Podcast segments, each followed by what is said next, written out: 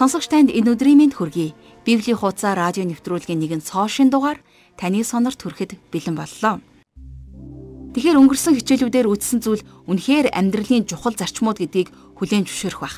Та бүхэн Матай бичсэн номын эхний 7 бүлгээс Есүсийн угийн бичиг, Есүсийн үйлчлэлийн эхэн үе, замун түүний уулан дээрх сургаал гээд чухал чухал хэсгүүдийг аль хэдийнэ сураад эхэлсэн байгаа. Өнөөдөр хамтдаа хичээлээ эхлүүлэхээс өмнө нэг зүйлийг асуумаар байна Та манай хичээлүүдийг сонсоод өнгөрч байна уу? Эсвэл бодлогоширч асуумаар санагдж байгаа зүйл танд байна уу? Тийм байгавал та бидэнтэй холбогдож болно. Нэвтрүүлгийн дундуур мэдээлэх утасны дугаарыг тэмдэглэж аваад та бидэнтэй заавал холбогдоорой.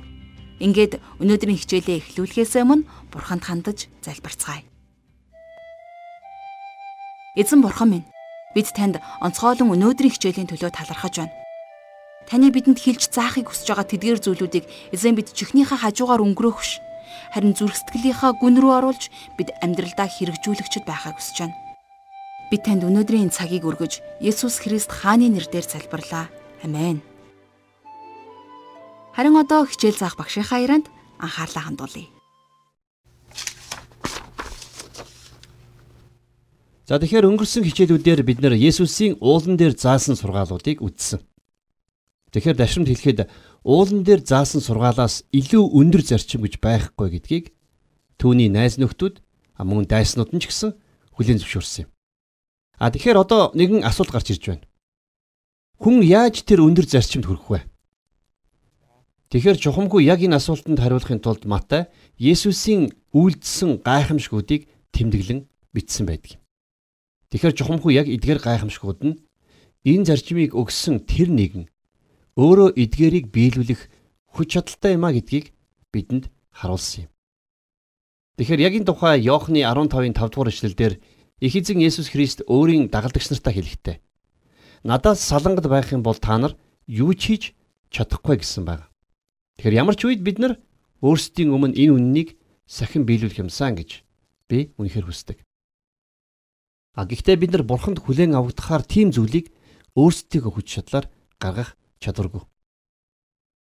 Бидний хийж чадахгүй зүйлийг биднэр гүйцэлдүүлж хийлэг гэхийн тулд өөрийн энэ дэлхий рүү илгээсэн ариун сүнсээр дамжуулан Бурхан бидний дотор ажилдаг юм. За энэ нь бидэнд маш их чухал зүйлийг харуулж байна. Есүс Христийн намтар түүхийг бидэнд харуулах. А эсвэл тэрний үйлчлэлийн хэсэг үйл явдлуудыг он тооллын дараалд багтаах гэж Матай оролдоогүй.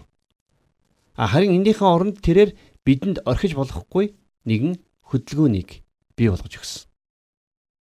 Хаан болсон нэгэн уул удаврын хаанчлалын хууль болох өөрийн зарчмыг тунхаглан зарласан. Харин одоо хаан уулнаас буун ирж байна. Түүний үйлдэлсэн 12 гайхамшигыг бид нар энэ бүлгүүдээс харах болно. Энэ бүхэн тэрээр энэ газар дэлхийг захирах үедээ өөрийн хаанчлалын хуулийг сахиулах хүчтэй маа гэдгийг давхар батлан харуулж байдаг юм. За өмнө нь би та нарт уулан дээрх сургаал болвол товчилж хураангуйлсан хэлбэртэй гэж хэлж байсан. Харин хожим нь мянган жилийн хаанчлал ирэх яг тэр үед бид нар үүнийг дэлгэрэнгүйгээр нь хүлээн авах болно. Тэгэхээр энэ бол ирээдүйд бид нар бүрч олон зүйлийг тэр үед хэрэгжүүлэх хэрэгтэй болно гэсэн утга санааг илэрхийлдэг юм. За өнөөдрийн бидний үзэж эхлэх 8 9 дугаар бүлэгт яг 12 гайхамшигын талаар гарах болно. За түүнчлэн Матай хааны хүч чадлыг батлах бүхэл гайхамшгуудыг нь үзүүлэх гэж оролдоогүй. Харин тэдгэрийг замбраатай учир зүйн дарааллаар нь биднэрт тэмдэглэн үлдээсэн юм. За тэгэхээр бидний өмнө байгаа энэ бүлэгт дурддагдсан 6 гайхамшигт одоо бүгдээрээ анхаарлаа хандуулъя гэж би таныг урьмаар байна.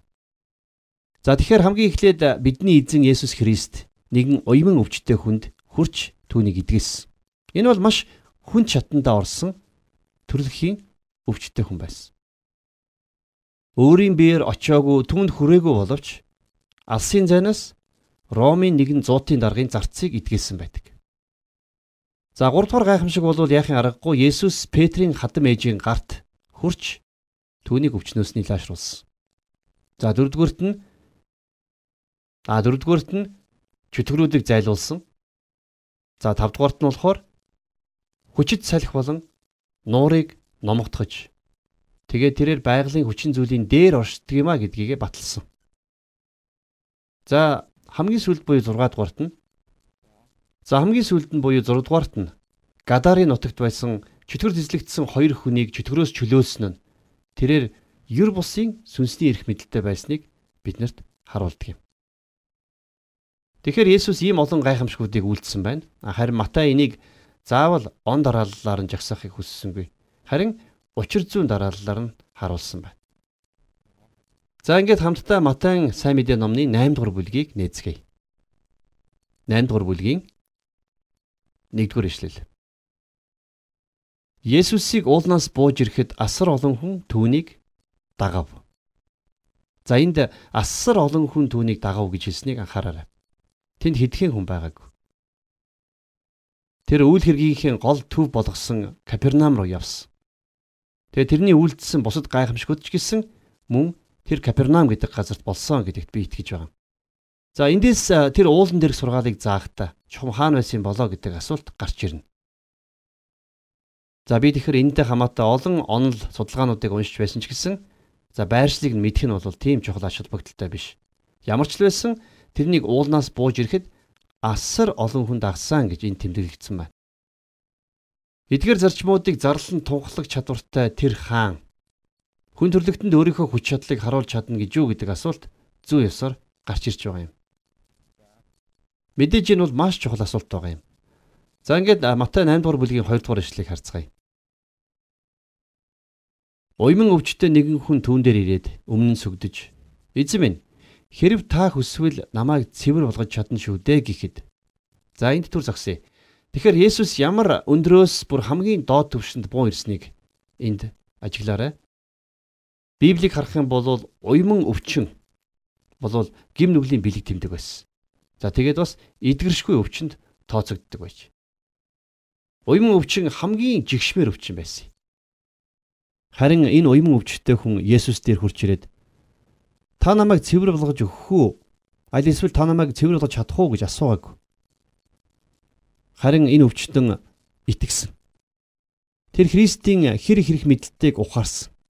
Тийм учраас эзэн минь ээ хэрвээ та хүсвэл намайг цэвэр болгож чадна шүү дээ гэж хэлсэн байна. Харин та бид үргэлж хэрвээ та хүсвэл гэж асуудаг билүү? Гэвч хэрв энэ нь эзний хүсэл байх юм бол тэр хийх л болно. Бурхны хүслийг нэгдүгээр тавих нь бидний амьдралын хамгийн чухал зүйл байгаа юм. Энэ магадгүй таны хувьд амархан санагдаж болох юм. Гэхдээ миний хувьд бол Бурхны хүслийг хамгийн түрүүнд тавина гэдэг бол үнэхээр хэцүү. Ер нь би ингэж хэлэх бах. Эзэн минь та энэ зүйлийг хийж өгөөч. Учир нь би таныг энийг хийгээсэ гэж үнэхээр хүсэж байна гэх мэт. Харин уян өвчтөн хүн ингэж хэлээг. Тэр хэлэхдээ би таныг чадна гэдгийг мэднэ. Гэхдээ та ингэж хийж өхийг хүсэж байна уу гэж асуусан. Тэгэхээр энэ нь яг түрүүний бидний ярьдагчлан таны хүсэл биелэг гэж байгаатай адилхан байна. Тэгэхээр бид нэр сонголтыг бурханд үлдээх ёстой. Энэ бол бидний залбирал биелэгдэх арга зам байгаа юм. 8-ын 3 дээр Есүс гараа сунган түүнд хурж хүсэж байна. Цэвэрш гэв. Тэр даруй түүний уйман өвчин нь цэвэршжээ гэсэн байна. Хэрвээ би уйман өвчтөй хүнд хүрсэн бол яах байсан бэ? Магадгүй тэрний өвчин надад халдварлах байсан баг. Тэгээд би тэрнийг эдгэж чадахгүй. Гэхдээ та яг энд болсон зүйлийг анхааралтай ажиглаарай. Хамгийн түрүүнд Есүс түүнд хурч гэсэн байгаа биз? Та өмнө нь энэ хүн зөвхөн бие махбодын өвдөлт сэтгэл санааны хувьд ямар аимшигтай нөхцөлд байсныг бодож үзээрэй л дээ. Магадгүй тэрээр газар хагалж байсан гэж бодъё. За тэгэд гаран дээр нь нэгэн үүч юм уу гөвд рүү гарсан байхыг хараад тэгэд гэртээ ирж ихнэртэй харуулхад ихнэр нь тэрэнд тос төрхөж боож өгсөн. За дараагийн өдөр нь өнөөх гөвд рүүг тойрон жаахан улайсан байж. За энэ мэдчлэн байсаар 7 хонс. Эцэст нь ихнэр нь санаа зовниж тахилжид очин үзүүлэхийг санал болгож. Тэгээд манер тахилчид очиход тэрнийг 14 хоног тусгаарлсан байна. Гэтэл энэ хугацаанд өвчин бүх биеэр нь тархжээ. Тахилч тэрэнд хандан уйман өвчтэй болсон гэдгийг хэлсэн гээд энэ бүх процессыг та нэг төсөөлтөө. Тэгэд яасан гэхэлэр өнөөх хүн тахилчаас эхнэр хүүхдүүд дээр очиод "Гү ядаж тэдэнтэй салхас хийл та" гэж асуусан л баг. Уучлаарай чи тэдэнд баяртай гэж хэлж болохгүй гэж тахилж хариулж. Чи эхнэрээ мөрөөр нь тэрвэрж хүүхдүүдээ гар дээрээ өргөн тоглож чадахгүй. Хэрвээ хин нэгэн хүн чам руу ойртох юм бол бузар бузар гэж хашгирах хэрэгтэй шүү гэж зааварлаг хэлсэн байна. Хүүхдүүдийнхэн өсөж том болж байгааг зөвхөн алсаас л харах боломжтой. Хин нэг нь тэдэнд хоол авч ирэхдээ хол зайтай орхиод явхад нь дараа нь тэд нар хойноос нь очиж авдаг байсан. Тэгэхээр үннийг хэлэхэд тэр хинт ч хүрч болохгүй. Аа тэгээд бас хинч түүнд хүрч болохгүй гэсэн хуучин гэрээний зарчим байдаг байсан. А гэтэл нэгэн өдөр Есүс рүү очиод эзэн минь ээ хэрвээ та хүсвэл намайг цэвэр болгож чадна шүү дээ хэмээн хэлсэн байна. Есүс Христ юу хийсэн бэ? Хамгийн гайхамшигтай нь Есүс тэрэнд хүрсэн. Тэрний амьдралд урд өмнө хизээч тохиолдох боломжгүй хамгийн гайхамшигтай гайхалтай зүйл тохиолдсон байна. Энэ бол Есүс тэрэнд хүрсэн явдал байлаа. Энэ явдал зөвхөн түүний уйман өвчнийг эдгээгээ зогссонгүй. Тэрнийг гэр бүлд нь буцааж за бас бурхны гэр бүлийн гишүүн болгосон. Үнэхээр гайхамшигтай. За 8 дугаар бүлгийн 4 дугаар ишлэгийг харцгаая. Есүс түүнд үүнийг хүнд ч хэлж болохгүй. Харин явж өөрийгөө тахилчид үзүүлээд тэдэнд гэрчлэхийн тулд Мосегийн тогтоосон өргөлийг өрг гэлээ гэсэн байна. Маркийн бичсэн сайн мэдээ номонд бол энэ хүн маш их баярлсан тухай бичсэн байдаг. Харин бидний хувьд энэ хүн гадагшаа гараад уулдсан болгондоо ярьж байсныг нь буруутгах хэрэг. Энэ талаар тэр хүн хаа сайгүй зарлан явсаар л байсан. Тэгэхээр энэний үр дүнд хүмүүс маш хачирхалтайгаар эзнийг түлхэн хотоос гаргасан учраас тэрээр цөлийн зүг явсан байдаг. Ингээд Есүс Капернаум хотод орж ирсэн юм. За 5 дугаар ишлэл дээр энэ тухай гардаг. Есүсийг Капернаумд ороход нь нэгэн зуутын дарга түүн дээр ирээд түүнээс гуйж. За тэгэхээр уйман өвчтөе хүн хэрхэн эдгэрсэнийг зуутын дарга сонссон гэдэгт би итгэлтэй байгаа юм. Зуутын дарга харь үндэстэн тэрээр Ромын цэргийн дарга байсан. Тэгэхээр Лук өөрийнхөө сайн мэдээ номонд энэ хүн болвол еврейчүүдэд зориулж синагог барьж өгсөн тийм хүн байсан гэж тэмдэглэн үлдээсэн байна. За тэгээд би яг тэр хуучин синагогийн балгас дээр очиж үзэж байсан. А хэрвээ Есүсийн баттай алхаж байсан газар гэх юм бол тэр нь үнэхээр хуучин синагог л байх ёстой байсан. За одоо бүгдээрээ зуутын дарга Есүсээс юу гэж асуусныг харцгаая. За 8-ын 6-аг бүгдээрээ харцгаая. Матай 8-ын 6. Эзэн зарц маань саа өвчин тусаад гертээ хөвтөж сөрхий өвдөн шаналж байна гэхэд. За тэгэхээр зэрэг энэ зарцын биеийн байдал бол маш хүнд болсон байсан гэсэн үг. За цааш нь харцгаая 7-оос 9 дугаар эшлэлдэр. Есүс би очиж түүнийг идгэе гэж хэлв. Харин зуутын дарга Эзэн би таны гэртээ аваачих зохистой хүн бишээ. Харин үг хэлээч тэгвэл зарц маань идэгрэн. Би ч мөн эрх мэдэл дор байдаг хүн. Миний дор цэргүүд би. Би нэгэнд нь яв гэхэд тэр явдаг. Нөгөөд нь ир гэхэд тэр ирдэг. Болд үүнийг хий гэхэд тэр хийдгээ гэж хариулваа гэсэн байна. Тэгэхээр зуутын дарга эрх мэдэл гэж чухам яг юу байсныг маш сайн ойлгож ухамсарласан хүн байсан. Учир нь яагаад гэвэл тэрээр өөрөө ч эрх мэдэлтэй хүн байж. Тэрээр Ромын цэргийн жанжны дөрөнд хувцсыг өмсөд. Тэгээд өөрийн мэдлийн цэргүүдэд хандаж ямар нэг юм хий гэж тушаахад тэд нар ёсоор гүйцэтгэдэг байсан. Учир нь яагаад гэвэл тэрэнд хүч болох эрх мэдэл байсан юм. Тэгээд тэрээр Есүсийг хараад танд ч гэсэн бас яг ийм адил хүч чадал байгаа шүү дээ гэж хэлсэн байна. Тэр Есүс ч гэсэн мөн бие махбодын өвчнийг эдгэж чадах хүч чадал байгаа гэдгийг ухаарсан байгаа юм. За 8 дугаар бүлгийн 10 дугаар эшлэлдэр Есүс үүнийг сонсоод ихэд гайхаж дагаж явсан хүмүүст үннээр би та нарт хэлье. Би ийм агуу итгэлийг Израильд хинээс ч олоогүй юм байна гэж хэлсэн байна. Тэгэхээр Библиэлд хоёрхан үйл явдал дээр л эзэн Есүс үнэхээр их гайхширсан тухай тэмдэглэгдэн үлдсэн. За эхнийх нь үйл явдал бол бидний саяын уншдаг зуутын даргын итгэлийг хараад Есүс шагшран гайхсан байна. 11 дугаар эшлэлдэр би та нарт хэлье. Дорноос хийгээд өрнөөс олон хүн ирж Тэнгэрийн хаанчлалд Авраам, Исаак, Яаковтай хамт ширээнд сунаа гэсэн ба. Тэгэхээр энэ дээр дорноос болон өрнөөс олон хүн ирж гэж хэлсэн байгааз. Тэгэхээр энэ үг бол маш сонирхолтой үг байгаа юм. Эзэн энэ үгийг хэлж байх яг тэр үед та бид хоёрын үг дээдэс дорн зүгт байсан баг. Эсвэл таны үг дээдэс өрн зүгтж байсан байж бол. Тэгэхээр бидний эзэн хэлэхдээ Энэ мэдээ тэдэнд хүрч тэд нар итгэлийг олж а тэгээд улмаар Авраам, Исаак, Яаковтай хамт Тэнгэрийн хаанчлалд суух болно гэж хэлсэн. Энэ бол үнэхээр гайхалтай мэдээ.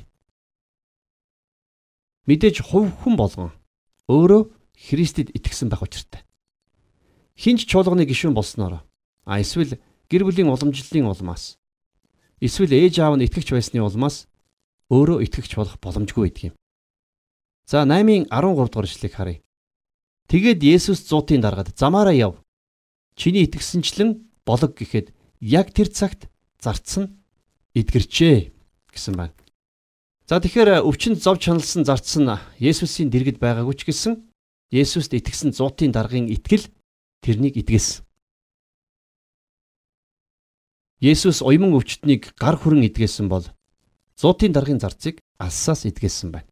За харин одоо бүгдээрээ 3 дахь эдгэрлийн гайхамшигыг үзцгээе. За 8 дугаар бүлгийнхээ 14-өөс 15 дугаар ишлэлийг үргэлжлүүлэн харъя. Есүс Петрийн гэрт очиж хадам ихийг нь халуунтай өвдөн хөвтөж байхыг харав.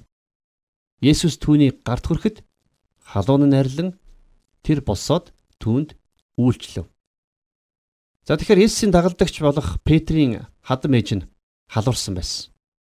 А тэгээд Есүс тэрэнд гар хүргэхэд тэр эдгэрч.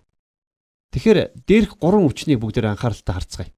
Эхнийх нь эдгэрэх боломжгүй тухайн үедээ нийгмийн халдварт өвчин болсон уйман өвчин байлаа.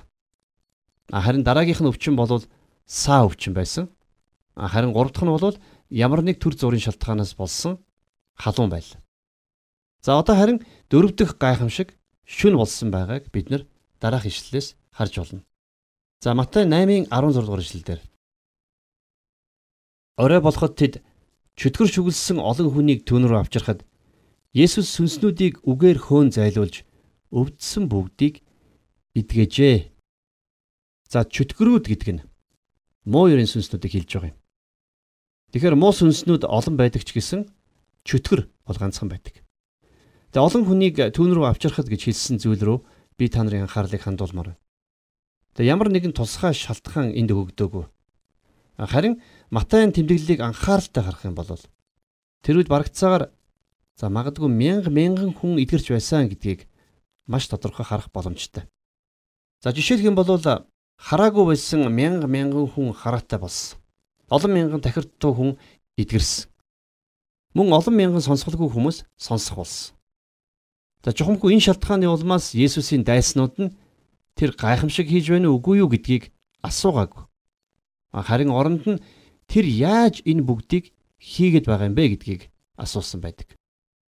За 8-ын 17 дугаар ишлэлдэр Энэ нь иш үзүүлэгч Исаягаар бидний сул дорой байдлыг тэр өөртөө авч бидний өвчтнийг үүрсэн гэж хэлүүлсэн нь биелэхийн тулд байлаа гэсэн байна. За тэгэхээр хуучин гэрэн дээр гардаг дахин нэгэн зөгнөл яг ийхүү түүний үйл хэрэгээр биелсэн байна.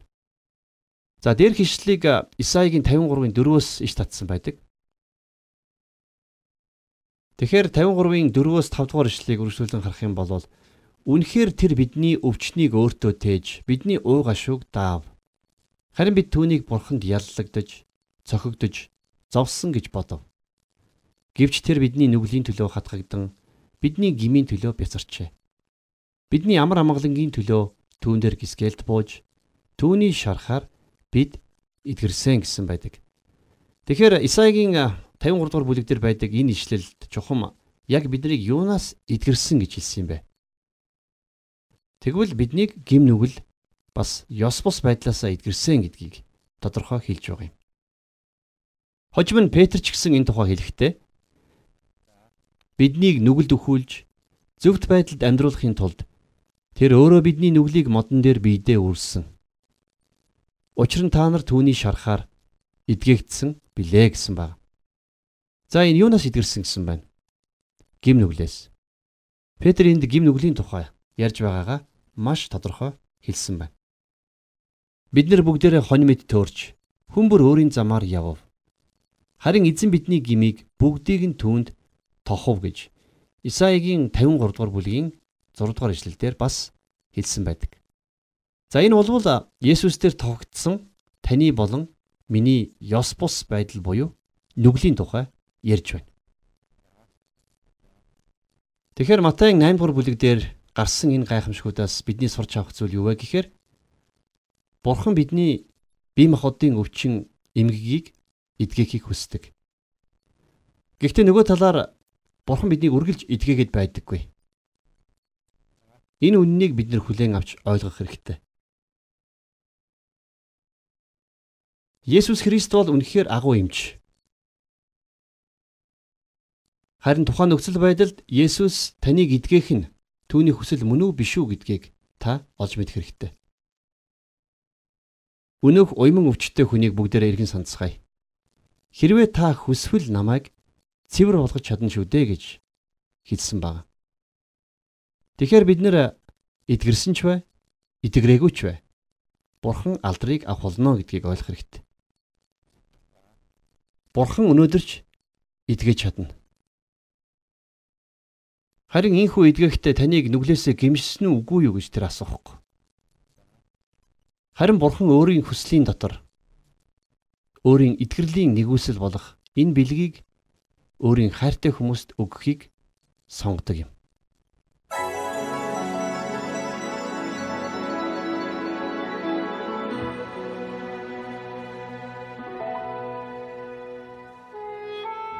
Тэгэхээр Есүсийн үлддэг эдгэрлийн гайхамшгууд нь тухайн эдгэрхийг хүсэж байгаа хүмүүсийн хүсснээр биш.